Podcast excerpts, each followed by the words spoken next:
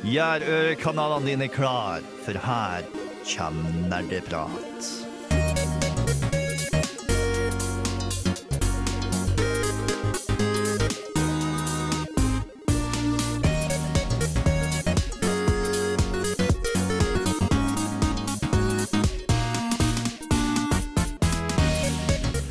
Hei og hallo, og velkommen tilbake til nok en ny episode med Nerdprat. Vi er tilbake til studio. Vi tar oss ikke ferie, vi nekter.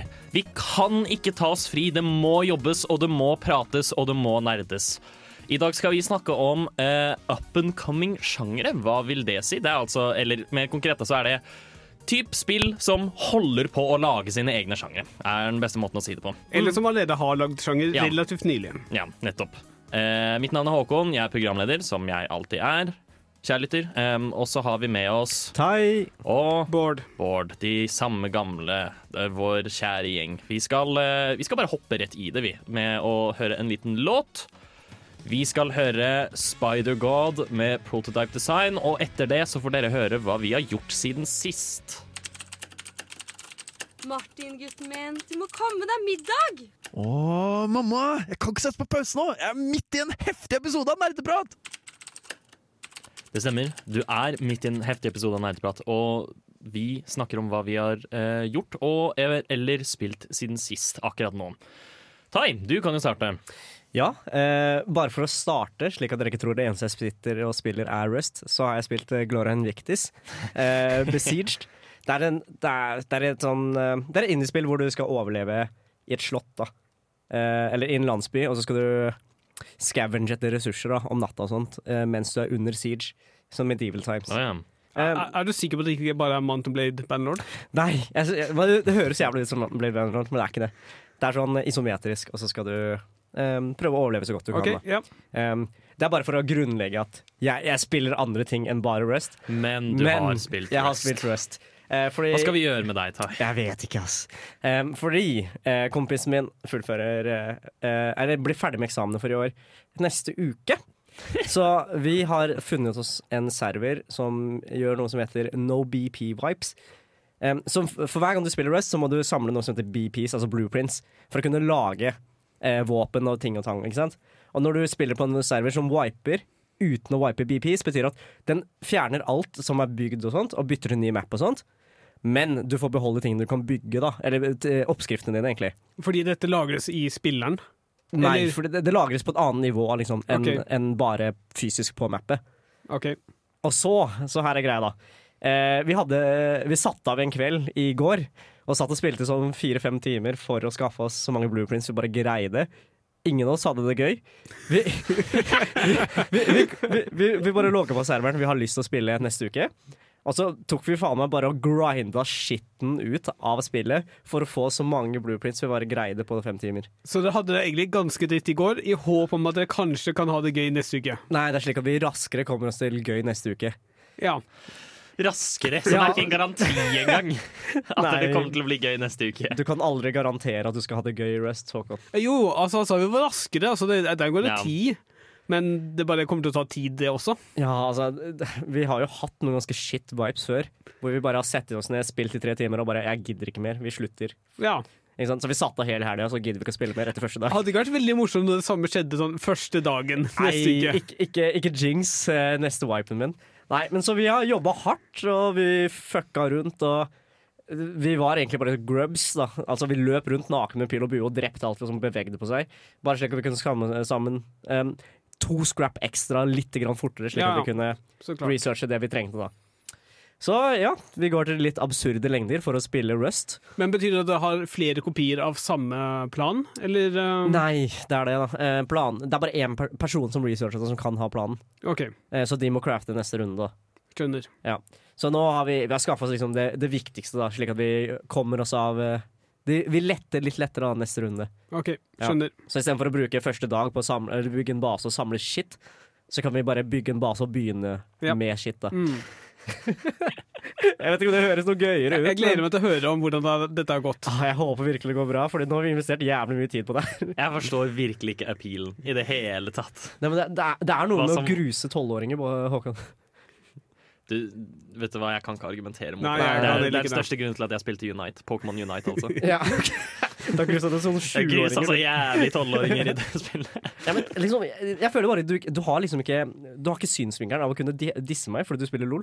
Eh, Nei, jeg, jeg er helt enig. Ja, ja. Altså, jeg kjenner meg igjen i den derre uh, man, man spiller nesten litt på tvang.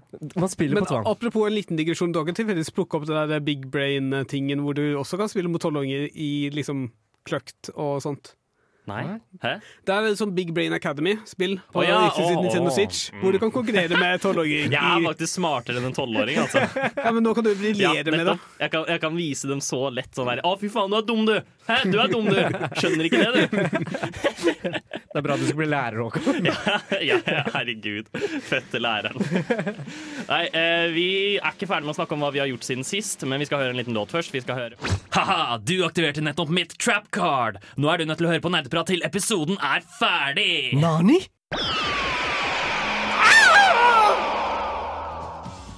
Vi fortsetter praten av hva vi har uh, spilt siden sist, og jeg skal ta opp tråden nå. Fordi jeg har, uh, i anledning vinteren, holdt jeg på å si, så har jeg spilt uh, Jeg har cava. Vi snakket om dette tidligere. Spill vi kanskje har unngått å kjøpe. eh, eller vurdert å kjøpe, da, men aldri gjort det ennå. Jeg har spilt Subnautica Below Zero. Hey. Um, og det jeg kan si, er at det er ganske gøy, Mm. men den nye mekanikken i spillet, som liksom er å, det er, du er i denne isverdenen, og du kan gå opp på land veldig mye, og gå på liksom disse glacierne og alt det der, det er det verste delen av hele spillet. Ok.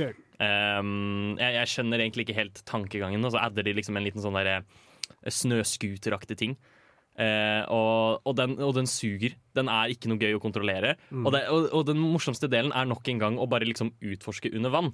Så Ja. klart. Og, og da skjønner jeg liksom ikke hvor, hvor- Hvorfor gjorde dere dette når det ikke er gøy? Det er um, Men jeg, synes, jeg er også enig med liksom, hva faen er tankegangen. Spillet heter Subnautica. Ja, Poenget er at man skal være under vann og utforske der. Ja. Og, det, og det har vært ekstremt chill.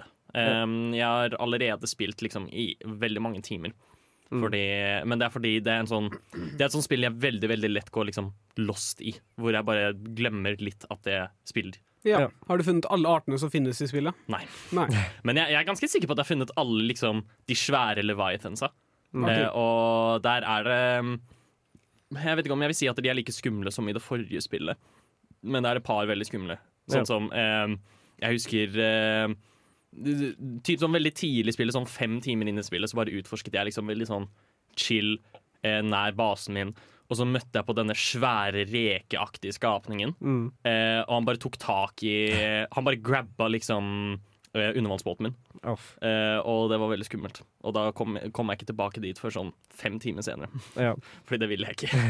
Ja, Undervannsbåten, den har den krepsetingen, eller hva den heter. Nei, det, den heter sjøtrøkk. Ok. Sjøtrøkk? Um, den heter sjøtrøkk fordi du kan liksom laste opp enkelte rom bakpå. Som vil si at du kan lage et lite tog. kult! Ja. Så jævlig kult! ja, det er dritgøy. Men Ah. dette er da etter den der eh, krepse, eller hva nå enn tingen du får relativt tidlig? Ja, ja. Mm. Prawn suit, som den også kalles. Nei, det er, det er før. Du okay. får den før. Men det er fordi den funksjonelt er mye bedre for å liksom komme seg rundt steder. Ja. Og i starten så vil du fokusere på å utforske på en måte veldig stort framfor dypt. Ja, Mm. Ja. jeg skjønner. Men uh, fikk du eh, Kjenner du det var verdt uh, prisen? Det er, det er det jeg er litt usikker på. Eh, Jeg, jeg vet ikke om For en som på en måte kanskje er litt mer sånn sparsommelig av seg. Eh, jeg, vet, jeg skal ikke si at jeg er veldig der, men jeg har i hvert fall kost meg veldig. Ja. Um, så jeg, for, for min egen del så var det verdt det bare for liksom undervannsgreiene alene. Mm. Men det er, sånn, det er åpenbart at dette spillet ikke er like stort som det originale Subnotica.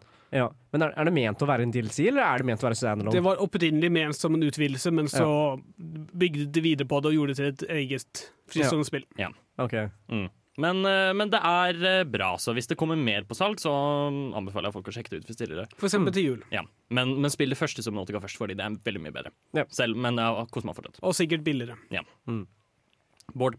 Jeg har spilt det forskjellig. Eh, For en stund siden så returnerte jeg til Destiny 2 sammen med en kamerat av meg. Så jeg har spilt litt det i sånn Tide og utide. Uh, Destiny 2 fortsatt veldig gøy. Litt frustrerende at de skal drive og låse gammelt innhold eh, vekk og sånt. Men det å løpe rundt og skyte ting og ha litt superkrefter i tillegg, eh, er alltid tilfredsstillende. Spesielt i og med at jeg har spilt Outriders nylig, og det er ikke i nærheten av like tilfredsstillende som det Destiny er. Men uh, i, hva mener du med låse gammelt innhold vekk? Uh, De første utvidelsene er nå ikke tilgjengelige overhodet, og Mm. når den neste utvidelsen kommer i januar eller februar, februar tror jeg, så blir den eldste eh, utvidelsen du finner i spillet nå, låst bort. Ah, ok. Og kan ikke Så de- spilles. Det gjør spillet sitt aktivt mindre. Ja, jeg tror jeg forstår dem på en viss måte. Jeg vil ikke forsvare dem fordi jeg syns det er dårlig gjort, men eh, de har eh, Spillet nå er ca. 75 gigabyte å laste ned, kanskje til og med 90, jeg husker ikke helt. Det gir mening at man kanskje vil holde installasjonsstørrelsen nede hvis uh, innholdet er irrelevant, men man Ja. kunne liksom gjort det til frittstående nedlasting eller lignende. Mm. Uh, I tillegg har jeg så vidt vært innom eh, Death Stranding, spilte kanskje en time to. Eh, vi kan prate litt mer om det senere i sendingen. Uh, og, men det, jeg, det jeg har spilt mest uh, i nesten en uke i strekk, er Final Fantasy 14 Endwalker. Wow. For de som ikke er faste lyttere som meg, jeg hadde en periode med Final Fantasy som varte i ca. et halvt år, Ja. og så forsvant det litt. Men nå er den neste utvidelsen ute, og den er fantastisk, fantastisk, fantastisk bra. Jeg, alle som allerede spiller Final Fantasy, jeg har vel sikkert begynt på den allerede, men hvis du ikke har hørt om Final Fantasy 14 ennå, og hvor fantastisk det er, så er det kanskje på tide å begynne nå. Det er bedre nå enn uh, aldri. Mm. Veldig bra. Um, vi skal gå over til å snakke om nyheter. Blant annet Final Fantasy. Blant annet Final Fantasy. Apropos, haha. Um, etter vi har Nerdenytt. Vi snakker om nyheter. Det har skjedd ting, kan jeg si. I det minste. Ikke sant, Pål? Ja, ja det, har skjedd ting. Eh, for de som ikke har fått det med seg ennå, og de som kanskje ikke spiller Fantasy 14. Uh, Endwalker hadde tidlig tilgang eh, fredag 3. desember.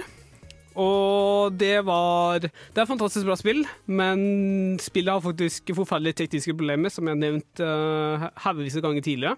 Og dette er ingen eh, ny eh, greie. Eh, jeg, kan ikke, jeg husker ikke liksom gjennomsnittet av uh, køene og sånt, men jeg har vært prøvd å logge inn og sett en kø på opptil 10 000 spillere som Jesus. venter på den spesifikke serveren jeg spiller på i EU. Åh, Eh, de har kommet ut og sagt at eh, det skal få syv eh, dager gratis spilletid som kompensasjon på dette her. Og samtidig så listet de opp uh, når det liksom det var høyest antall uh, spillere, spillere som liksom spilleaktivitet. Ja. Og for EU så Dette var da første helgen, eh, så husk at dette er for en helg, men likevel. eh, peak var fra 11 om morgenen til 11 om kvelden. Okay. Altså tolv timer mente de at det liksom var toppen av eh, antall spillere. Ja, så, så, så helst ikke logge inn innen den tid, da. Ja, uh, ja, altså du, du kommer jo deg inn, men du måtte ha kø. Uh, for jeg som sov dårlig og våkna av meg selv sånn klokken seks lørdag morgen, så merka jeg ikke noe til den. Men så fort det liksom når, eh, Hvis jeg prøver å logge inn sånn ti-tiden uh, denne uken her, så er det kanskje 50 stykker i kø. Ja. Prøver du å logge inn på ettermiddagen, så er det type noen tusen i køen. Alltid. Kan vi bare virkelig fremheve hvor sinnssykt det er at det var en tolv timer lang peak? Ja, altså, En tolv timer lang peak! Det Ja, er som jeg sa til vennen, altså, det, det, er, det er ikke en topp, det er liksom bare Det er en, liksom en, eh, en Jeg husker ikke hva norsk ord er. Men Det er som ikke, E18. Ja. Og, og, og dagsaktuelle vitser. Whoop, whoop. Men ja, uh, så klart. Det er ikke noe mer å si det annet enn at Stor lansering, masse problemer, masse kø, folk er irritert, men de gjør som de kan, og de har kompensert, som er litt bedre enn det andre har gjort. Det var egentlig Eh, jævlig snilt av dem. Syv dager. Ja, det er det, men uh, det er jo altså når mange folk ikke kan spille Det, er- det jeg glemte helt. Takk for at du minnet meg på det. holdt på å si. Eh, ikke bare er det lang kø, men de har også problemer med å bli frakoblet under køen. Og hvis de blir frakoblet Nei. under køen og ikke er kjapp nok med å logge inn igjen, så blir de puttet bakerst i køen igjen. Du, jeg hadde kvalt noen, altså. Jeg hadde seriøst kvært nå. Ja. Hadde jeg sittet der faen meg fem timer peak kø, og så bare sånn Nei, sorry, ass, du mista internett et kvart jeg, sekund. jeg har hørt om folk som har sittet fire timer i kø. Det, det har ikke jeg gjort ennå. Hvorfor jeg gidder man da? Kanskje man ser på TV og sånn imens, men hvis det er liksom det eneste spillet du spiller, og du har lyst til å oppleve den fantastiske historien som eh, nettopp har sluppet Det her er finalen på fire-seks år med liksom en oppbygning av historien, så jeg skjønner at folk har lyst til å liksom spille det og oppleve det.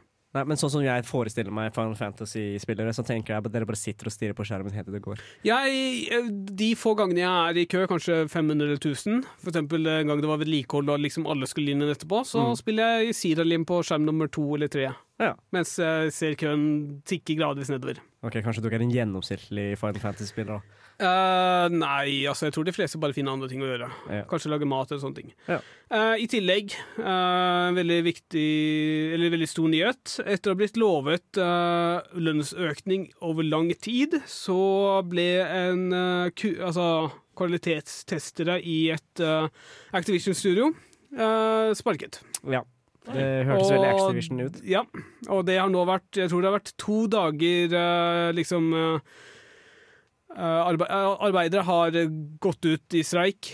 Ikke ordentlig streik, men amerikansk streik, som jeg ikke helt vet hva er. Men det er i hvert fall ikke ordentlig streik. I to dager nå, tror jeg, for å liksom protestere.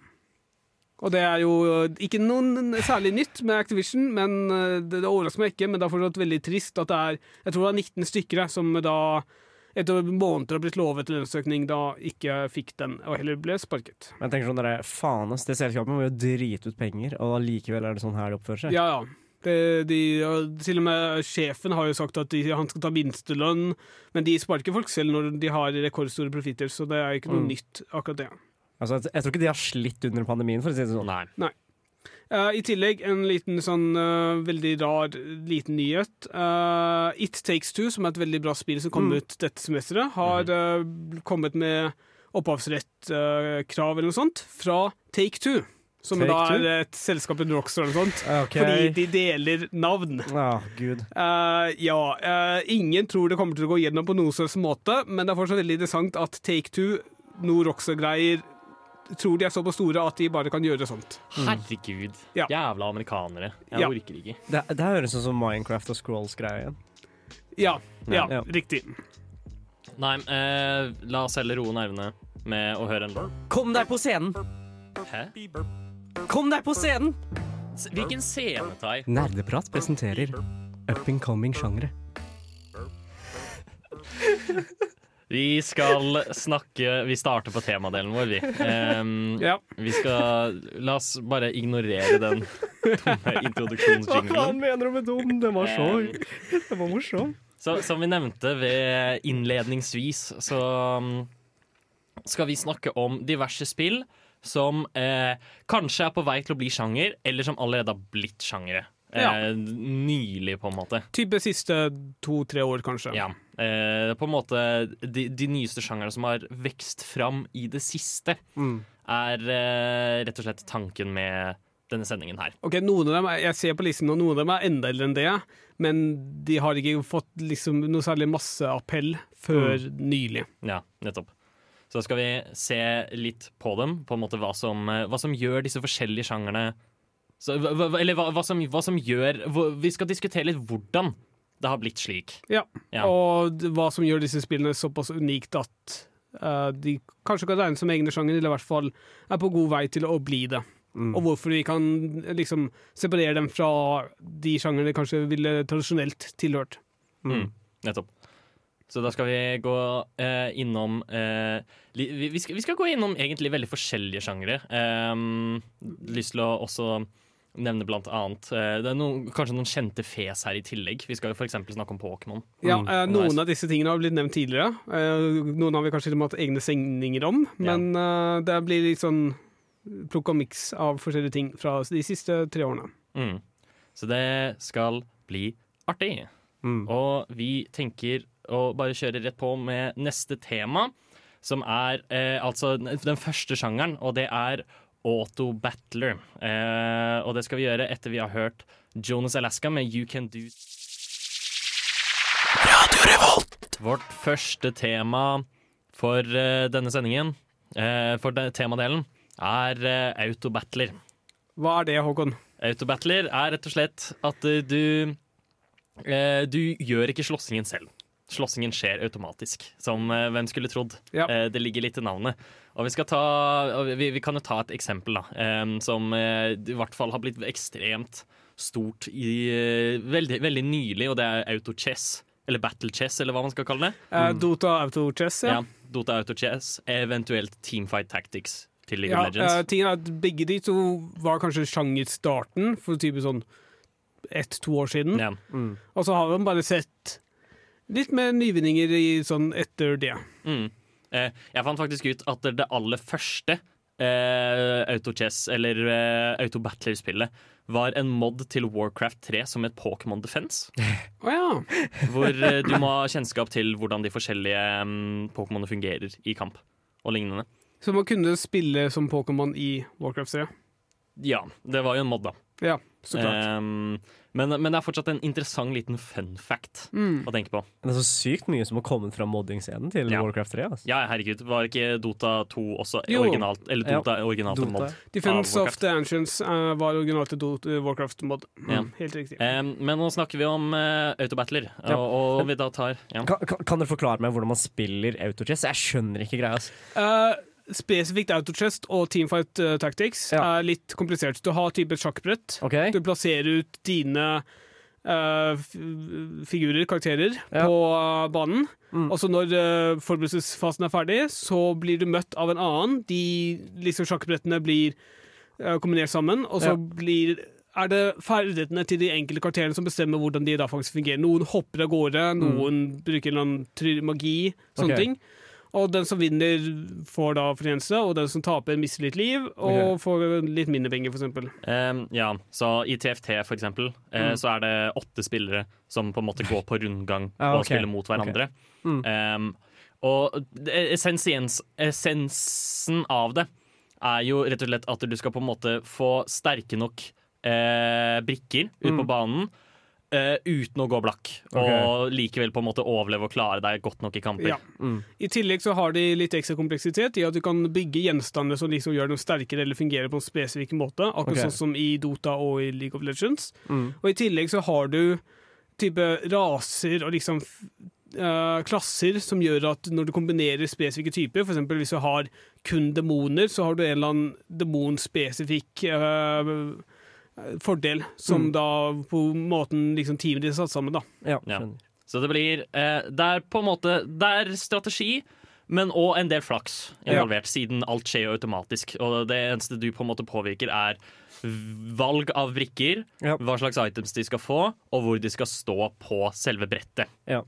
Så du kan liksom ikke planlegge i forveien hvordan ting funker? Ikke veldig mye, men du kan planlegge litt i og med at du vil ha den, de svake for eksempel, litt langt bak og beskytte bak de andre, men det blir Mm. kanskje, da fungerer det kanskje ikke hvis fienden bare hopper inn og Ja. dreper den likevel. Okay. Plutselig har de også plassert liksom hinten helt på siden Mm. av brettet, som gjør at den bare løper forbi alle fordi frontlinesa dine fokuserer de andre frontlinesa. Okay. Ja.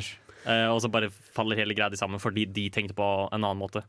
Men du har jo også i tillegg eksempel eh, Hearthstone sin uh, Battlegrounds, heter det vel, Mm. hvor det er litt mindre kompleksitet, og du har liksom kun kort du setter sammen. Du lager et brett med syv kort, som Mm. møter et brett med syv andre kort. Ja. Og da har du fortsatt type eksempel alle drager får bonus, eller alle demoner får en bonus, men du Mm. slipper, du bygger ikke gjenstander, eksempel. Og du har kun en endimensjonal sted hvor du kan sette ting, da. Du kan sette hvem som angriper først og sist, men ikke type Du har ikke todimensjonelt sjakkbrett som du setter ting i. Ja, åh, er det likt den derre Battle Pets-greia som er så jævlig populær på uh, Super Auto Pets. Super Auto Pets? Uh, ja. Eh, det er jo den aller nyeste, massive greia på ja, Twitch. men hva faen? Det bare tok av! Ja, ja det, det, tok av. Eh, det- der er det veldig lignende. Du har også sånn type Men det er ikke noe klassesystem sånn som Hearthstone Nei. og Dota har. Mm. Men du har type eksempel når du spiser mat, så kan du få en bonus, eller når du Mm. selger ting, så kan du få en bonus. Ja. Så liksom den enda litt mer enklere versjonen av den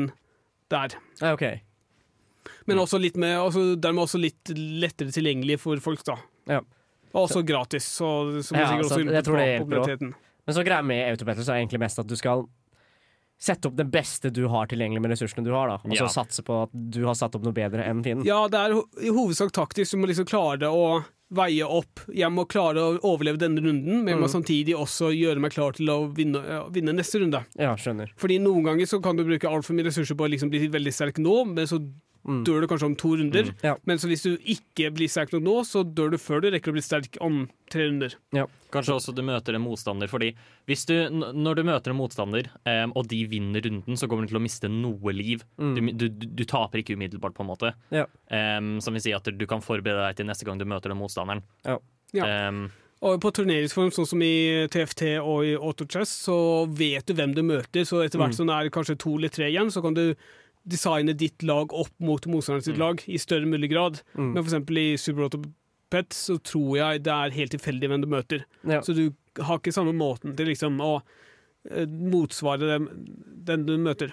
Det er en sjanger som har overraskende mye dybde, Ja, jeg- eh, og jeg forstår veldig godt hvorfor det på en måte har blitt så stort. Det er veldig lett tilgjengelig. Det er veldig lett å liksom bare dø og lære av det og prøve å gjøre det bedre neste gang. Mm. Og veldig, altså, du kan gjøre det mens du ser, ser på TV og sånne ting. Det er litt sånn som du Ja, liker. Ja. Men jeg tenker sånn her, liksom, mot all forventning så er faen meg Autobattlers strategispill. Ja. ja, nettopp. Til tross for at alt skjer automatisk. Ja. Det, det som er mest spennende, kanskje, eh, er jo eh, hvilken retning serien tar vid eller sjangeren tar videre Ja. for å Mm. innovere på det. Men det skal ikke vi snakke om nå. Det har ikke vi tid til. Vi skal heller høre en låt. Vi skal høre Aika med Window Gazer. Det er DJ MacLeod Banks. Du hører på Nerdeprat. God gaming. Det er god gaming, og vi snakker selvsagt om gode spill. Eh, eller kanskje ikke. Ikke nødvendigvis. Nei. Men muligens, muligens at det kan vokse noen gode spill nå som flere har blitt inspirert av Ja, dette god- veldig en god sjanger. anerkjente spillet. Vi snakker om Pokémon. Og så tenker du, kjære lytter, hæ? Er ikke Pokémon bare en turbasert rollespill? Hva er det som gjør det til en egen sjanger? Hvorfor det, Bård? Eh, fordi du setter sammen ditt eget lag av monstre som kjemper mot deg, og det er det ikke. Det er, jeg vil si det er en akkurat passe meng stor mengde spill som gjør det, til at det kan kalles en egen sjanger. Mm. For det er ikke kun Pokémon som gjør det, og det er heller ikke mange nok til at alle gjør det. Er det ikke en halvveis collectathon også? Jo, eh, mange, det. eh, mange sånne spill vil du samle alle mulige monstre. Men eh, ok, nå kommer jeg med noe skikkelig mørkt nå. Men du vet det derre eh, For eksempel Genshin Impact. Du samler jo, du samler jo mennesker. Så blir det Pokémonene dine.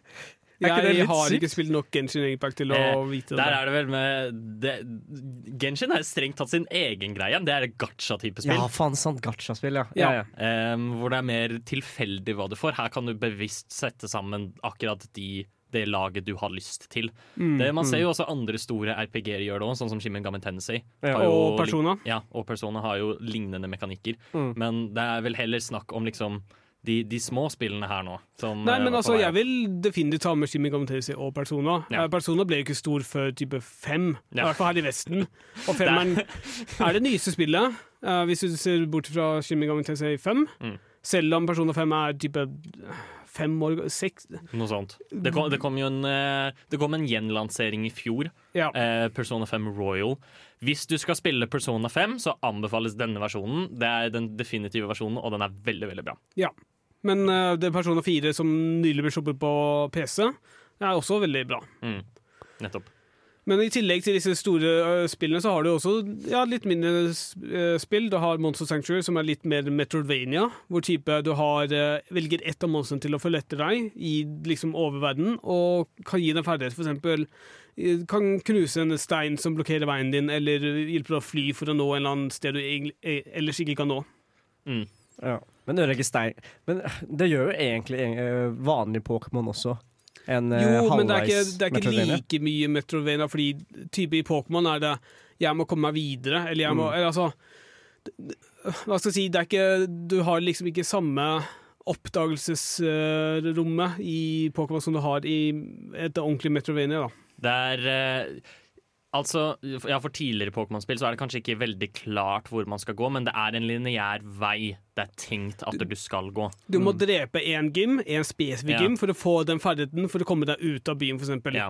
Så, ja, er, de har gjerne sånn ofte bullshit-unnskyldninger for hvorfor du ikke kan utforske steder. Sånn som liksom sånn derre Å ah, eh, ah, nei, eh, det, det, hva var det jeg spilte Brilliant Diamond, hvor du ikke kan gå til Sunny Shore by fordi det har vært en blackout der. Eh, liksom At strømmen bare gikk. Og strømmen kommer ikke tilbake før du tilfeldigvis har klart sjuende gym. Oi, gjett hva! Åttende gym er i Sunnyshore. Oi! Ja. Det er helt tilfeldig. Ja. Så det er, bare, det, det det er litt rart at det ikke bare kan være sånn um, Ja, du er ikke sterk nok til å ta denne. Ja. Mm. Ehm, Som regel så får du f.eks. cut eller fly fra den gymmen som du Mm. er like ved. ja. Ja, så det er eh, Jeg hata liksom at man aldri kunne bruke Rock Smash og svenk om hverandre. Det, det ga null mening i min hjerne. Det, det ga faktisk null mening. Men ja, Men jeg okay. må også si at Pokémon er et ganske dårlig Pokémon-lignende spill. Det er veldig li... Okay. Kan du nettopp det? Historie, historiemessig så gjør det det kanskje bedre enn mange andre, men i type kompleksitet og dybde så er det litt irriterende. Du kan liksom ikke Alle Pokémon eksisterer fra før av og finnes i det ville. Du kan liksom ikke kombinere Pokémon eller liksom lage nye. Og det eneste du har mulighet til å måle styrke på, er det fuckings EV-systemet, som er et mareritt uten like. Ja. Um her, her er den store tingen da med Pokémon det, det, som gir på en måte sjarmen, og det som på en måte da ehm, kan, kanskje gjør det til litt mer komplekse spill, og derfor en interessant sjanger å diskutere, er jo nettopp valgmulighetene du får i å sette sammen ditt eget lag av så mange forskjellige ting. Pokémon sin valg der er at de legger til nye Pokémon som du kan bruke. Problemet kommer i at det kun er et enkelt utvalg av de som er bra Ja. og enkelte utvalg av de som er verdt å bruke. Og da vil det bli at, det veldig, mange, at det, veldig mange lager på omtrent de samme teamene. Det er veldig ofte hvor det er lignende Pokémon som går igjen, når man ser på liksom, den konkurrerende scenen av det. Men det er jo litt vår egen skyld som spiller det, da. Det er, Man det er vil jo vinne, Ja, ja, men liksom vi, Det er jo veldig mange spillutviklere som har sagt at spillerne optimaliserer gleden ut av spillet. Ja. Og jeg føler at Pokémon er en av de type spillene. Nei, men altså, jeg, på spillet også designa rundt at du eh, Altså, det er lite valgmuligheter og lite dybde. For eksempel både Monster Sanctuary og Sidalim, som jeg har spilt nå nylig, har flere monstre ute på banen samtidig og kjemper mot flere monstre, som betyr at mine, alle mine seks monstre i Sidalim angriper alle motstandernes seks monstre samtidig. Ja. Alle sammen hver eneste gang de angriper. Mm. Og de kan, altså sånne ting bare finnes ikke i Pokémon. Du har litt mer begrenset hvordan ting kan ha synergi mellom hverandre. Eh, men det er vel heller Og det er fordi Pokémon får et helt annet fokus da, da, i form av at det blir liksom litt sånn mind games-aktige ting. Siden det er såpass begrenset. Ja. Um, hvor man gjerne liksom skal prøve å komme motstanderen i forkjøp og liksom forutse hva de gjør. Og nå bytter de Pokémon, nå gjør de dette, nå gjør de dette, bla, bla, bla. Mm. Så det blir en helt annen type Det blir et helt annet type spill enn uh, ja, Ja. de du nevner, på en måte. Ja, men jeg syns fortsatt Pokémon var gøyest når jeg ga litt faen i det. liksom, og bare brukte Pokémon Ja, men det er jo det mer konkurrerende aspektet av det. Eh, hvis man spiller eh, gjennom Pokémon vanlig for storyen, Mm. så er det noe helt annet. Ja. Liksom. Og du vil, altså Min personlige mening, du vil egentlig ikke spille Pokémon på konkurransenivå, fordi det forsvinner veldig mye tid bare for å få den ultimate oh, det versjonen forsvinner så mye tid. Det er ikke verdt uh, din mentale helse, altså, Nei. å gjøre det. Hadde, hadde jeg hatt en knapp som bare er 'gi meg den best mulige av denne, versjon- denne Pokémonen her, så kanskje. Men sånn som det er nå, nei. Mm. Men det er, eh, det, det er en eh, typ Det er en formel som har ganske mye dybde til seg, og det er egentlig overraskende at det ikke har skjedd, så, skjedd før nå, liksom i, i det siste. At Ja. det har blitt sin egen sjangeraktig ting. Mm. Så, men eh, trolig så kommer vi til å se mer av det også. Nå skal vi høre en låt før vi snakker om hyperrealistiske simulatorer. Vi skal høre Score. Å, helvete! Jeg må forte meg! Det er en ny episode av Nerdeprat. Det kan jeg ikke gå glipp av.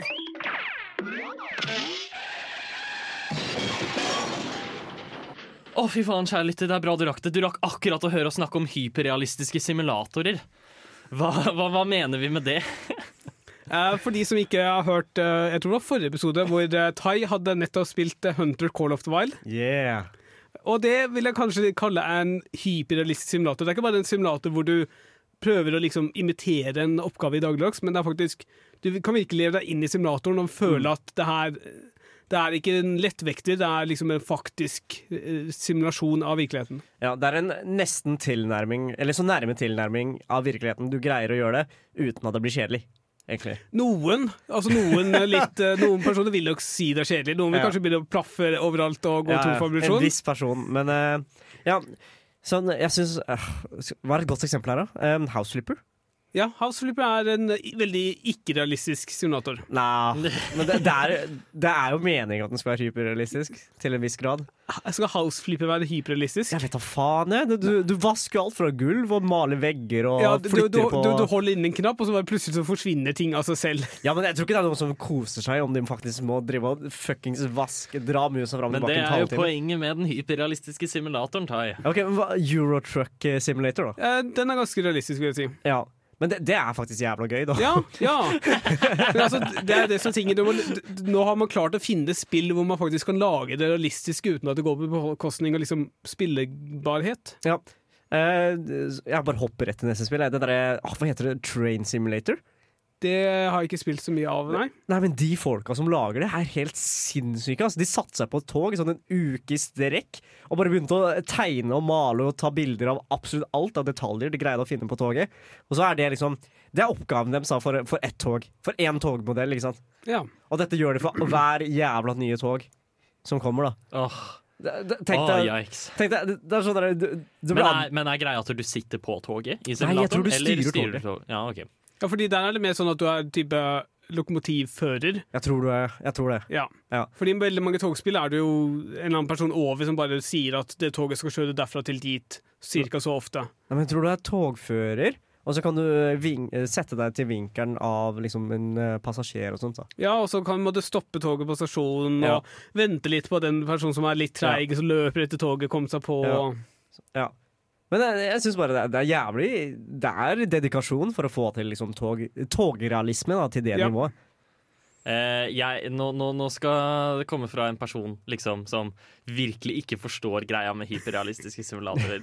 Hvorfor har man lyst til uh, å, å spille det? Altså, for, for jeg som nylig var innom uh, Snowrunner, som er type Du, du kjører Ice Road Truckers. Ja. Det er en utrolig tilfredsstillende Altså, du får en mestringsfølelse som er vanskelig å finne det. Og Bare si at OK, jeg vet Så klart, jeg har ikke vært ute i virkeligheten, men her har jeg en tilnærming. Jeg vet sånn cirka OK, det er gjørme, det er litt kaldt. Jeg vet hvordan jeg kan klare å komme ut av en sånn situasjon ved de midlene jeg får hjelp til. Så hvis, Ja. jeg pust, hvis jeg putter deg i en Honda-akkord og skyver deg ned en isbakke Altså, jeg har jo, jeg har jo en ordentlig uh, truck, og jeg har jo en vinsj som hjelper meg Som jeg kan binde til trær og hjelpe meg ut og å gjøre meg sånne ting. Jeg, jeg, jeg har ikke sagt at jeg klarer det med hva som, altså, hva som helst av utstyr, men uh, hvis jeg blir gitt riktig utstyr, så kan jeg kanskje klare det. Da får, du har erfaringen. Ja. Ja. Men tror du faktisk at du hadde greid å kjøre en sånn bil og gjort de samme tingene?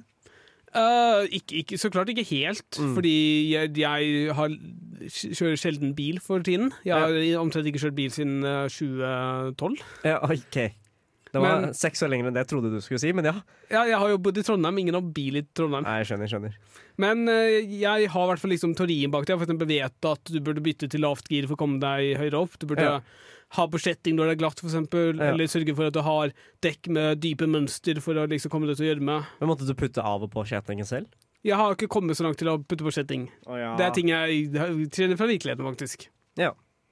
Herregud. Um, ja, fordi sånn som uh, Om vi tar et annet et, uh, bilmekanikersimulator, det er også en hyperrealistisk simulator. Et, et sted imellom. Uh, den er veldig realistisk i liksom hvilke bildeler som finnes, men det er ikke så mye Altså, jo, ja, jeg vil si relativt, fordi du må liksom ta spesifikke skruer og skru den løs, men du skrur dem ikke løs manuelt. Du bare sier at OK, løse skru der, der, der, ta, ta ut delen, og så begynne på neste del. Ja. Så um, med det, da, for å si det på den måten, er rett og slett hvis du tar det spillet, og det er sånn derre jeg, har, eh, jeg har egentlig en drøm om å bli bilmekaniker, men jeg har ikke lyst til å bli bilmekaniker. Eh, og da er det en måte jeg kan finne ut hvordan de faktisk gjør det på. Mm. Ja, og du får, du får liksom en mestringsfølelse. Bare jeg Hadde jeg liksom hatt en stressfri eh, miljø, hvor jeg liksom kan mekke på en bil alene, så hadde jeg mest sannsynlig klart å finne ut av det. Ja, det, det er en interessant Ja, men det- Du får liksom litt forståelse av hvordan, hvordan eh, bilen fungerer, og hva som du skal fokusere på. da Ja, definitivt. Så du kan bruke det som en treningsarena hvis du har lyst til å bli en bilmekaniker. da Du, Håkon, du har alltid snakka om å bli bilmekaniker. Kanskje du burde gi det et forsøk? Jo, kanskje det. Legge fra meg eh, utdanningen som jeg snart skal skrive master på. eh, for eh, å følge mine drømmer om å bli bilmekaniker. Ja. det, mm, det er noe jeg får eh, tenke på. Eh, jeg sy syns, jeg syns det er et gøy fenomen, da. Likeså. Um, at det hyperrealistiske simulatorer har blitt en såpass stor ting. Mm. Eh, ja. Ja. Så det er gøy. Ohayo, minisan, konnichiwa. Du hører på Nerdeprat, nja-nja. På Radio Revolt, desune. Uvu. Vår neste sjanger har vi faktisk snakket om tidligere, og den har jo vært eh, ganske Eller typ den største sjangeren i videospill ganske lenge nå. Ja, den tok av for tre-fem fem år siden, kanskje. Sånt. Jeg husker- husker ikke. Det er vel eh, med launchen av PubG. Ja, Ja. stemmer. I, ja, det var vel da det ble liksom definitivt ja. en også greie. Minecraft før det igjen også. Ja, Ja, ja. Hunger Games. Games. Ja. Ja, ja. Gode gamle. Ja, vi snakker selvsagt om Battle Royale. Um, det, og apropos Hunger Games, eh, det er Hunger Games, rett og slett. Hvor man eh, for, for de av dere som har levd under en stein, da, rett og slett, um, Ja. så er det Hunger Games. Hvor det er 100 spillere, som regel 100 spillere, på eh, kartet. Um, og så er det om å gjøre å være den siste som står igjen. jeg har et spørsmål til deg. Jeg tror vi har kommet til det tidspunktet hvor altså liksom store altså utgivere og anmeldere kaller Battle Royale som liksom en hovedsjanger. Dette er et Battle Royale-spill, eller vil du fortsatt si dette er et skytespill? Nei, Med de, de sier jo det er et Battle Royale-spill. Ja. Ja. Okay. Altså, de, de, de markedsførte jo Apex Legends som et Battle Royale-spill, som faen. Å ja, det, det fikk jeg ikke med meg, fordi jeg lever under en stein. Ja, jeg meg ikke om de. Ja. Om vi jo tar eh, nye, nye vri eh, på Battle Royale-sjangeren, sånn som lignende Tetris 99 gjorde, altså Pacman 99, Mm. så blir du beskrevet som Pacman, men det er Battle Royale. Ja. Eh, det er fortsatt Det er ikke, det er ikke et eh, Altså det er Pacman-type spill, men det er en Battle Royale hvor man spiller Pacman. ja, jeg er bare usikker på hva, hva vil stå i pitchen. Vil det stå dette her er en uh, Tetris-spill hvor du spiller mot 99 andre, eller 198 andre, eller vil det stå dette er Battle Royale-spill? Ja. Jeg, jeg tror det bare står Tetris som et Battle Royale. Ja. Men det er Battle Royale. Uansett, der vi har kommet dit hvor det er faktisk vanlig, og hvor Battle Royale kanskje er liksom hovedkjennetegnet til mange spill, og så er det litt sånn tilfeldig hva, hva som går utover Battle Royale. da. Om det er skytespill, om det er logisk tegning, eller om det er Pacman, eller Ja. hva det er. Det, det er vel kanskje den eh, største grunnen til at Battle Royale-sjangeren lever ennå, føler jeg. Utenom eh, du ser på gigantene som Fortnite og eventuelt Warzone, som eh, prøver på litt eh, Ja, som bare er tatt i stor sak tradisjonelle skytespill med litt forskjellige mekanikker. De, de prøver jo egentlig bare å replikere liksom faktisk under Games, hvor du drepte andre mennesker. Ja. Men, eh, men, så, men så ser du også andre som liksom stadig prøver å innovere på sjangeren og finne nye måter hvor man kan være liksom Ha alle mot, eh, alle mot hverandre, en mann som står igjen, type stemning. Ja. Sånn som eksempel at de lagde Tetris eller Pacman, eller for øvrig eh, for 35-årsjubileet til Mario så lagde de eh, Mario 35, hvor man spiller Mario Bros. Det første. Ja, det aller første Mario Bros. Og så bare eh, diverse ting du gjør, sånn som å samle mynter eller noe sånt, gir deg ekstra sekunder. Og så er det bare å liksom få masse ting, sånn at du får ekstra sekunder og gir de andre liksom flere fiender. For Ja. hver fiende du dreper, så får de flere fiender og sånt. Så er det bare om å gjøre å spille Mario lengst. Så det handler egentlig bare, bare om tidenes speedrunner i, Ja, i Mario. men det er jo en ekstremt kreativ vri på eh, Battle Royale-sjangeren. Mm. Og jeg, altså det er jo, jeg foretrekker heller det enn liksom Warzone-oppdatering 5. Er det ikke This Warzone, dude? Hvor, hvor stort er det spillet nå? 400 gigabyte? Nei, 90. Men det er kun flerspiller. Det er kun multiplayer nå, Ja. dessverre. Å, fy faen. Jeg vil også slå et slag for uh, Forza, som vi ikke har pratet så mye om. Forza Eliminator er jo eh, Battle Royale bilspill, altså Battle Royale-delen av Forsa Forza som bilspill, og fungerer veldig bra. Du får type fiender, altså biler som kan komme ned fra himmelen, tror jeg, i fallskjerm eller sånt, men i tillegg så kan du uh, duellere mot andre spillere, altså type kjøre opp ved siden av dem og bare si 'vi skal koppkjøre', og sistemann uh, Eller altså førstemann som kommer uh, til mål, eliminere den andre og ha muligheten til å ta bilen til den personen. Ja, ok. Men hvorfor har du lyst til å ta bilen til noen som nettopp tapte mot deg? Eh, fordi det er ikke sikkert det er kun er bilen som påvirker. Ok. Eller, ok, jeg er litt usikker om du får bilen til den du tapte, eller om du bare får en biloppgradering. Kanskje Ja. begge deler. Men type, Ja. si at du møter en annen person. Ja. Nå viser jeg detalj på, fysisk, så er jeg litt dårlig på radio, men bare litt, prøv å forestille dette. Du møter en person på en bilvei, dere kjører i motsatt retning, altså mot hverandre. Mm. Så utfordrer dere hverandre. En av dere kjører stikk motsatt vei av det dere egentlig skal kjøre. Så du kan vinne kun basert på det. På ren flaks, altså. Ja, det er én taktikk for å vinne. Ja. Og så kommer du til liksom den siste sirkelen, hvor jeg tror alle blir plassert i midten cirka, eller samme sted, og så Mm. blir målet putta tilfeldig på kartet. Og det er også sånn type Hvis du starter tidlig og kjører riktig retning, så har Ja. du en ganske god fordel, men hvis du starter tidlig og kjører i feil retning, så har du tapt umiddelbart. Det høres veldig ut som det er 50 av gangen Eller av tida så funker det 100, ganger, 100 Ja, av tida. ja nettopp. Helt Um, riktig. Jeg har et spørsmål. Eh, det- det det, skal si, det er en veldig kreativ vri. Eh, Men generelt, fordi det er liksom sånn Jeg føler at denne sjangeren kommer til å hva, hva tenker dere om liksom hvor, hvor, varigheten av denne sjangeren tror dere den kommer til å leve til å bli en skikkelig stor sjanger? Den er jo en skikkelig stor sjanger allerede. Ja, men, men liksom om fem år, Ja. tror du Battle Royale fortsatt kommer til å være en ting? jeg er vet Jeg tror ikke alle kommer til å prøve å implementere det, men jeg tror at der det, de føler at det passer så De, de, de spillene som fokuserer på flerspiller og har lyst til å ha mange moduser, vil nok implementere det. For eksempel, uh, det er et fiskespill, uh, Bassmaster 2022 eller noe sånt, som har en Battle Royale-modus som ikke fungerer veldig bra når det er veldig få som spiller det, men nok om det. Jeg tror de som vil ha flerspillermoduser, implementerer, og de som ikke driter det. Ja. Uh, det er en interessant tanke, i hvert fall. Men uh, Battle Royale akkurat nå, veldig stort. Uh, og, og foreløpig så tror jeg, jeg, kom, jeg tror det kommer til å vare i hvert fall et par år til, i det minste. Definitivt. Uh, rett og slett fordi folk finner så kreative vier på sjangeren. Ja. Sånn som Forsa fuckings bilspill. Det er kjempegøy. Um, uansett, vi skal høre noen låter. Vi skal høre Langva med 'Call Me'. Deretter skal vi høre Andy Moran med 'French'. Vi skal nå høre fra en mann som er veldig langt unna hva han syns om programmet Nerdeprat på Radio Revolt. Nerdeprat er veldig gøy! Vi snakker om nerdeting og dataspill! Sånt liker jeg! Det stemmer, vi snakker om nerdeting og dataspill, og vi har gått over til en ny sjanger vi driver og snakker om. Hva er det? Det er deckbuilding. Hva er det for Hva, hva, hva, hva innebærer dette?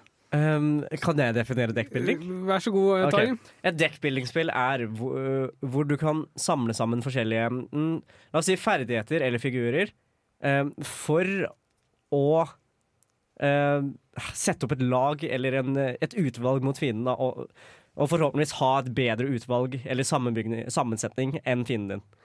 Og jeg føler at dekk, i og med at det heter dekkbilder, så må eh, figurene eller ferdighetene eller hva enn du samler, være satt på kort for at det skal være en dekkbilde. Ja, okay. Ja, jeg, akkurat det er jeg uenig i. Så lenge ting er Altså, så lenge du har en tilfeldig samling med ting som du plukker ut av, og på den måten så er det, er det dekkbilder.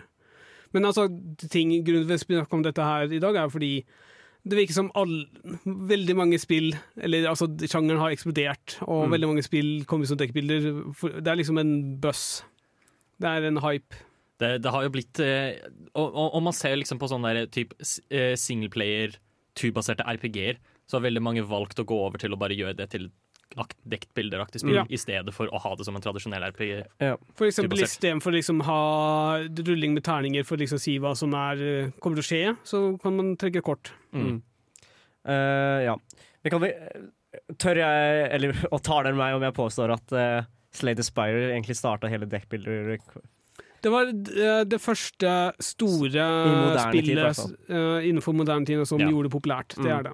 Mm. Så jeg føler det er veldig sjangerdefinerende spill. Veldig mange spill er egentlig bare lagd Det ser prikk likt ut som Slade Slay Spire, egentlig. Men altså, nå snakker vi om digitale spill, og mer spesifikt rogelights, fordi du har eh, en del deckbuilding-spill som uh, er fra tidligere, som Mm. har fungert på, hovedsakelig på brett. Eh, jeg, altså, jeg har flere eksempler, men ingen av dem kommer til å si det noe som helst, egentlig. Det er også i en halvveis nyere tid eh, Tron Baker også. Eh, ja, Ja, som, Riktig. som også er en dekkbilder, men ikke er Rogalight.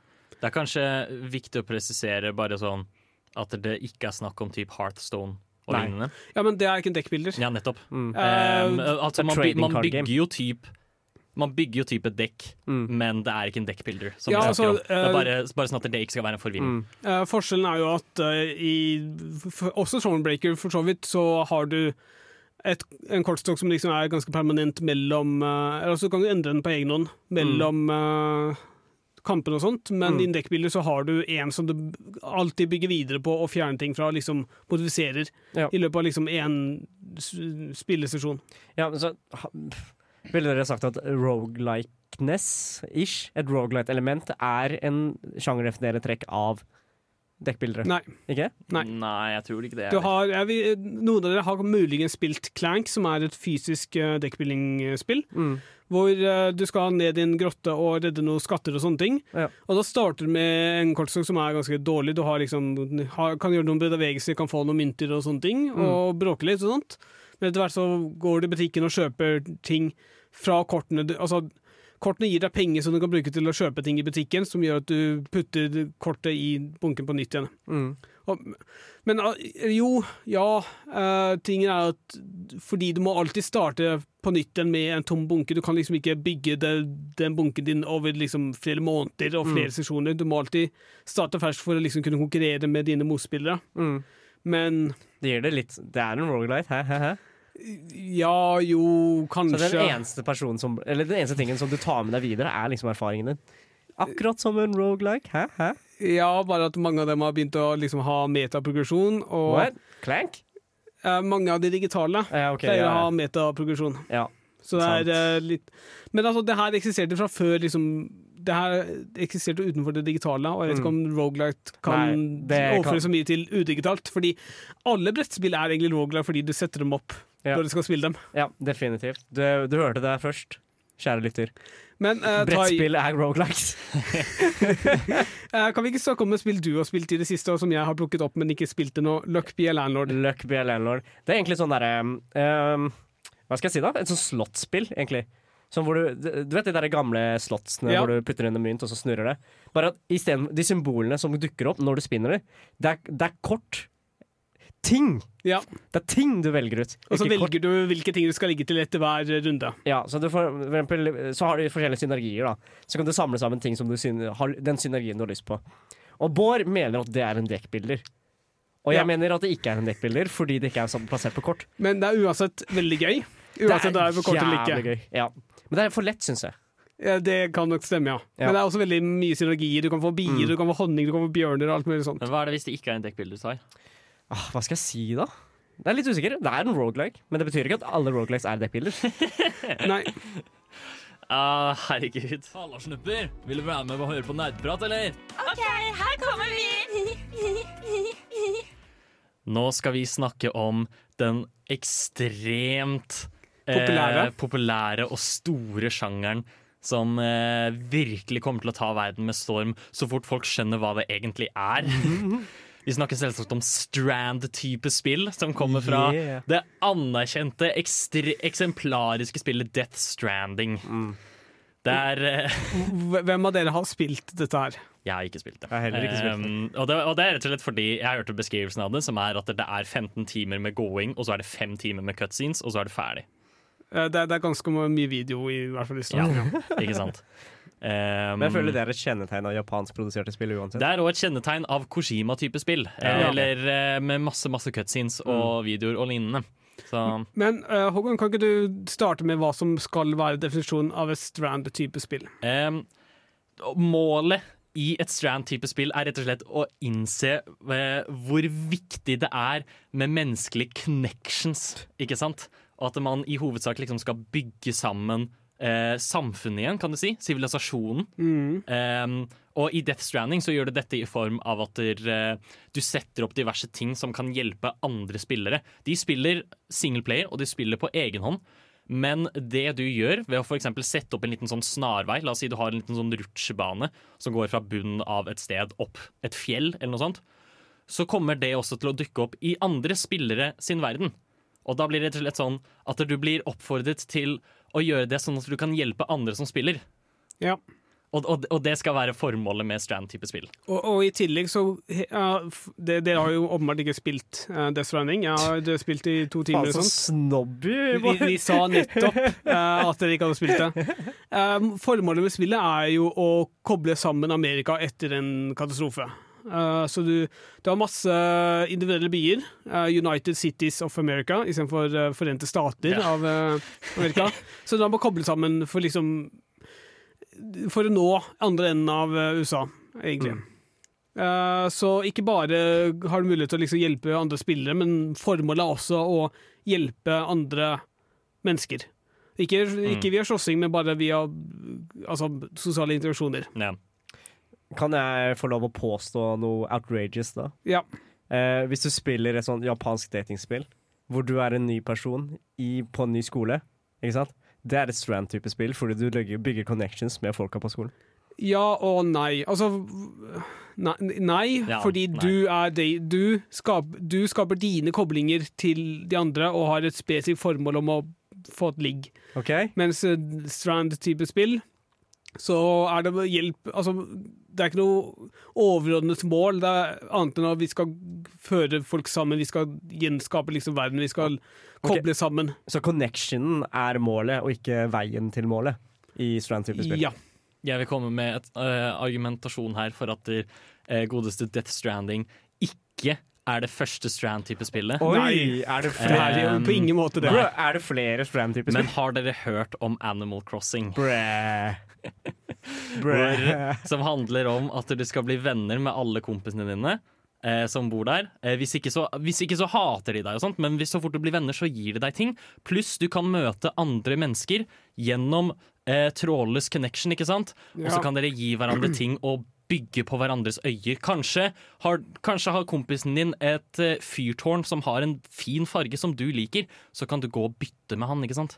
Viktig med menneskelig connection. Uh, ikke bare Animal Crossing, som er liksom et veldig klart eksempel på Uh, et annet spill. Spill? Eh, d- dere sa helt i starten hvordan spillere hjelper hverandre. Eh, Dark Souls. Hvor folk Ja. legger eh, meldinger i hytt og pine og hjelper hverandre. Bare 'her er det en usynlig vegg'. Ikke gå videre fram her. Her er det en fyr i bakholdsangrep. Ja. Eller Praise the Sun. Ja, riktig. Mm. Men uh, Bare for å si litt om Death Stranding, fordi mange folk kritiserer det litt for mye. Kaller det en gåsimulator, kaller det altfor mye. Det er et utrolig vakkert spill. Eh, det kommer vi til å få muligens å få vite senere. Men eh, et veldig vakkert spill, veldig atmosfærisk spill. Eh, og jeg liker Altså, det, det er veldig sånn enten liker du det, eller så hater du det. Mm. Og foreløpig så heller jeg mot at jeg liker det. Altså det kan, vil nok ikke være enkelt å komme gjennom, fordi jeg har litt uh, lav terskel for eh, Eller høy terskel for uh, sånne historier som de prøver å bringe fram. Men eh, jeg heller mot at jeg liker det, i hvert fall. Mm. Eh, kan jeg også bare en, en siste påpekelse som jeg syns er veldig gøy. Den, at det strand-aspektet i Death Stranding.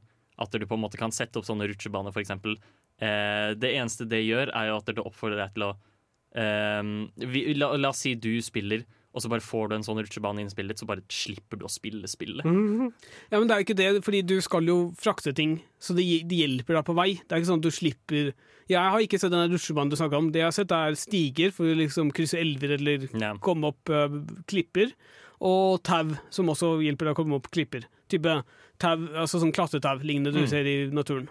Mm. Så det er ikke sånn at du slipper å spille spill, det bare gjør det enklere. En person som har gått forbi deg før, kan liksom hjelpe deg ved å putte ut et tau. Mm. Så uh, takk til Igor, som hadde lagt ut en stige og et tau for meg da jeg skulle til en uh, kremasjonsplass i, for noen år siden. My man Igor, ja. Ja. ja. vi, vi er glad i deg, Ja. Igor. Eh, men for å si det sånn, da. Strand-type spill er ikke en helt ny sjanger. Eh, Nei. men, men vi syns det var gøy å inkludere fordi Koshima mener at dette er fremtiden. Da. Det kan, kan, passer kanskje bedre som et særegent spill, som vi skal snakke videre om nå. Det skal vi. Eh, etter vi har hørt Filthy Burger Girl med Xmas. Ikke fuck med meg! Jeg har kraften til Gud og nerdepappa på min side. Men hæ?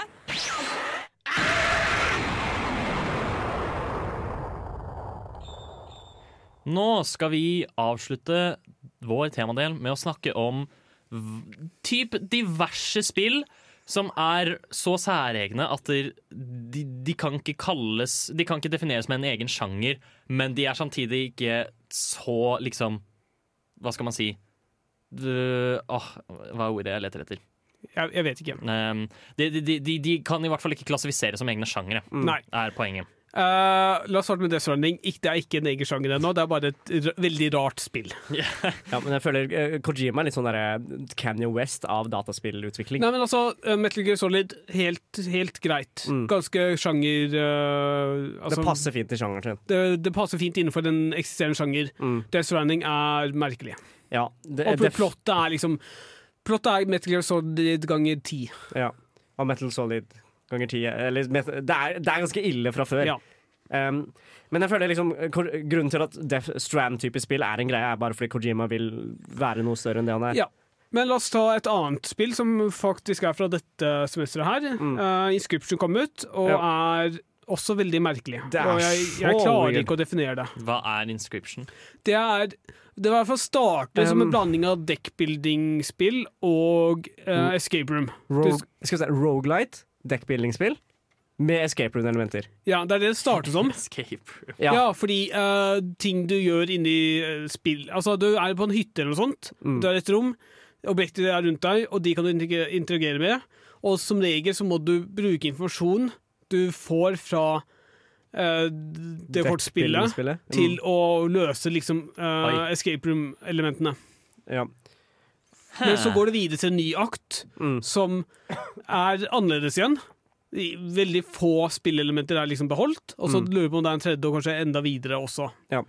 På starten så er det veldig sånn derre Det er mørk, håndtegna stil. Ja. Um, og så blir det sånn Futuristisk. Futuristisk neonblått eh, det, det, bare, det bare endrer helt hva du skal, og så plutselig på et eller annet punkt så spiller du faen meg på en sånn 2D fuckings Nesten Zelda, liksom. Men uh, jeg har ikke lyst til å snakke så altfor mye om Nei, liksom, hva som skjer underveis, Nei, nei, nei. men i hvert fall det er et Det må oppleves. Og det, Ja. enten så liker du det, eller så hater du det. Jeg heller litt mot at jeg Eller jeg, jeg er sånn midt på treet, jeg har ikke helt bestemt meg ennå. Ja, men, jeg, jeg vil påstå at Nå jeg, jeg, jeg, liksom, jeg, jeg liker det som konsept, men jeg, jeg tror ikke jeg hadde likt det. Nettopp jeg, der er også. Jeg liker at det eksisterer, men jeg vet Mm. ikke om jeg kan like å spille gjennom Så- det. Skjønner. På slutten så, har du, så spiller du ikke spillet du, eh, spillet du har kjøpt, for å si det sånn mildt. Ja, det er veldig vanskelig å vite hva du Mm. faktisk går til. Liksom, du har kjøpt et deckbuilderspill, og så får du det der. Ja, Et Um, annet spill, altså Det forrige spillet er litt lignende. Uh, The Hex det ble lovet Eller jeg leste det som at det er, eh, folk er på en bar, og det blir kom en telefon om at en av dem skal dø i løpet av kvelden. Så jeg tenkte ja, et mordmysterium, det er akkurat det jeg liker i spill. Nei, nei, nei. Eh, du starter som en avdanka plattformhelt fra liksom type 80-tallet, 90-tallet. Tenk en dårlig Sonic. Mm. Som skal hoppe mellom plattformer og sånne ting. Ja. Så du spiller liksom det først liksom i glansfasen til denne personen, liksom type det beste Sonic-spillet, eller hva nå enn han Ja. Og så bare kommer det liksom Steam-anmeldelser inn i spillet som bare 'Dette er fantastisk', sånne ting. Men så ender det ikke der. Det bare bygger på videre, og så kommer det en oppfølger som er kanskje litt annerledes, litt dårligere, og så kommer det en tredje som bare er helt for jævlig. Anmeldelsene blir plutselig negative. Det er veldig meta. Jeg kom meg ikke lenger enn liksom det her, for jeg fant ut at det her orker jeg ikke. Det er for mye tull rundt mitt spill. Jeg er veldig spillmekanisk interessert. Jeg, jeg orker ikke all metaen rundt det, så jeg ga det opp. Men for, de som er, for de som synes dette høres interessant ut, så er det et veldig unikt spill som jeg ikke kan plassere inn i sjanger. Ja, jeg skjønner. Hm, interessant. Ja, men liksom særegne spill det er, det, er, det er sjelden de kommer ut på markedet, og det er enda sjelden at det blir en stor greie. Ja. Men uh, de er som regel de spillene man husker liksom fra det året. Ja. Ja, man Mm. husker det definitivt, og så er man litt uenig i hvor gode og hvor, altså, hvor Ja. gode de er. Eller om det passer for deg, da. Mm. Det er veldig sånn hit og miss. Du Jeg liker alle spill som konsept, men jeg, det er ikke alle Mm. jeg takler å spille gjennom selv. Ja. Jeg, jeg vil egentlig plassere Babas You under det her faen også. Ja, litt, men den er litt mer tradisjonell i at det er liksom et logisk eh, Ja, sånn sett, ja. tanke-hjernetrimspill. Ja. Men det, er fortsatt, det var jo veldig banebrytende da det kom ut. Ved at det liksom flytta grenser på en måte Mm. som ingen hadde gjort før. Ja. Jeg synes fortsatt at Systemet de har satt opp i Babas You, er fortsatt noe av det mest innoverende jeg har sett i mitt Ja, liv. det er fantastisk imponerende. Mm. Vi skal gå over til å høre en uh, ny låt. Um, vi skal høre Klossmajor med 'Snakkes i bar'. Når innså du at du var en gamer? Dersom du kunne spilt kun et spill i et år Hva er det eldste spillet i backloggen din? Hva har du lært fra spill som du har fått nyte av i Er det et spill som har hjulpet deg gjennom en tung periode av ditt liv? Hva er ukas spørsmål? Hva er ukas spørsmål, Bård? Eh, hva er et eh, potensielt sjangerdefinerende spill? Altså et spill eller konsept i et spill som vi har lyst til å se mer av i fremtiden, som kanskje muligens kan gro til å bli en sjanger om fem år. Er det noen som har lyst til å starte her? Um, jeg, jeg kan jo for øvrig starte. Mm. Uh, og det er at det, det er et veldig sånn Veldig merkelig spill som jeg ikke selv har spilt, men som jeg har sett på. Uh, Mm. Som jeg syns var utrolig artig. Eh, som heter Don't There Is No Game. Ja. Eh, og det er rett og slett eh, Det er en fyr, eh, det er, eller det er du, spilleren, som spiller. Men da, Eh, spillet heter det, eller ja, spillet heter There Is No Game. Hvor hele, hele greia er rett og slett at det er en stemme, og han er sånn der Nei da, det finnes ikke noe spill her. Det er ingenting å finne her. Det, ikke, ikke, ikke se etter noe spill. Og så skal du på en måte slags eh, fjerne skjulet som han legger opp. Kanskje han liksom bolter fast en ting som er foran spillet, sånn at du ikke kan åpne spill og masse sånt. Og så må du bare finne nye kreative måter hele tiden. Det er også litt sånn meta, og det er på en måte en interessant vri på mer liksom sånn derre tankespill og pek og klikk-type spill. Mm. Eh, en slags hybrid, kan du kalle det. Og, og, og det er enormt morsomt. Mm. Uh, og, og jeg vil gjerne veldig se mer av lignende type spill. Jeg vet ikke om Det kan Det, det, det er også en sånn type spill som er veldig sjangerløs. Mm. Mm. Men- sånn metaspill, sånn à la Stanleys Ja, Stanley Parable er jo også veldig der. Der er det mer uh, meta i forhold til eh, narrativet ja. og lignende. At du Mm. bare plutselig på et tidspunkt også så i Stanley Parable Jeg har ikke lyst til å spoile så mye av det, men du går til et sted, og så bare er eh, narratoren sånn Ja, nei, vet du hva, nå spiller vi et annet spill. Ja. Og så tar han deg i et annet spill, liksom. Eh, så det er sånn type ting. Og det er utrolig artig. Mm. Og det hadde vært kjempegøy å se mer av det. Ja, Så du, du liker sånn metaaspektet av spill, da? Ja. Jeg syns det er artig. Ja. Eh, Um, noen andre? Kan jeg ta det? Ja. Jeg, jeg liker sånn tid, rom og aspekt. Eh, aspektet av spill, da. Så for eksempel eh, Bård nevnte Jeg visste ikke hva det het, men det heter super, Superliminal. Super, superliminal. Det er sånn derre mm, Du bruker perspektiv, da, som, eh, som mekanikken i spillet. Så for eksempel hvis du skal opp til en dør som er langt unna, så, kan du putte inn, så har du bare en liten kube, da. Så kan du gå, putte kuben foran deg, og så går, går du langt bak, så legger du den ned, eller nærme. Så legger du den ned slik at du er helt inntil den kuben. Så, blir, så ser den kuben kjempestor ut. Så reiser du den opp, så går du tilbake. Så har den kuben stor nok til å eh, tråkke på, og så kom deg til døra. Ja. eksempel. Har du spilt Antichamber? Nei. Det er à la Antichamber. Ja. Det er så mindfuck, og jeg elsker det. Ja. Jeg, jeg, jeg, liksom, jeg vil bare skru på et spill som bare mindfucker meg så hardt at jeg ikke vet hva som skjer. Ja, det, det, det er veldig gøy. Ja. Og, og, det er det Men, men det, det ser jeg for meg er også utrolig utfordrende å lage. Ja, det det, krever nok en del eh, man, man skal nok være ganske smart for å Mm. lage gode sånne type spill. Ja. Men, jeg føler, Men ja, jeg er enig. Hvis du greier å slå det sammen med meta, perfect. Ja. Ja, Ja. Det, er sånn, det er ikke nok at du fucker Du må ikke fucke meg over som spiller, du må fucke meg over som person. Ja. Hva med deg, Bård? Jeg spilte nylig et spill som heter Still Dear, som Mm. er en slags psykologisk uh, hjernetrimspill, hvor du er forlatt på en uh, romstasjon og skal prøve liksom å finne ut av ting. Mm. Og der, der er det type sånn det er, er noen manualer rundt omkring som sier type koble sammen det her og det her for å få den funksjonaliteten. Du kan bruke disse kortene til dette her. Så type litt sånn ingeniør-light-spill. Mm. Type, ikke helt Sectronics, fordi Sectronics er veldig veldefinerte ting. Så si, for eksempel, hvor du har et eget programmeringsspråk. sånt, Men her er det litt mer løst, litt mer liksom, hjemmesnekra. Men jeg syns det var utrolig kult. Litt mer Mm. sånn lignende escape room, fordi du må liksom prøve å finne ut hvordan kommer du egentlig ut herfra. Og samtidig litt sånn hjernetime, bare finne ut hvordan ting Prøve å forstå hvordan ting fungerer, ikke bare tilfeldigvis trykke på knapper og finne ut at oh, ja, den blomsten var egentlig ikke en blomst, det var en skjult knapp eller noe sånt. Som er det aspektet jeg ikke helt liker med hjernetime, altså sånne escape room-spill. Mm. Ja. Hmm. Så litt mer sånn uh, narrativdrevet uh, hjernetime-spill som finner på sine egne ting, og Mm. er litt mer variasjon enn bare liksom alt det samme, sånn som Sertronics gjerne gjør. Ikke at Sertronics er dårlig, men noe litt annet. Ja, skjønner.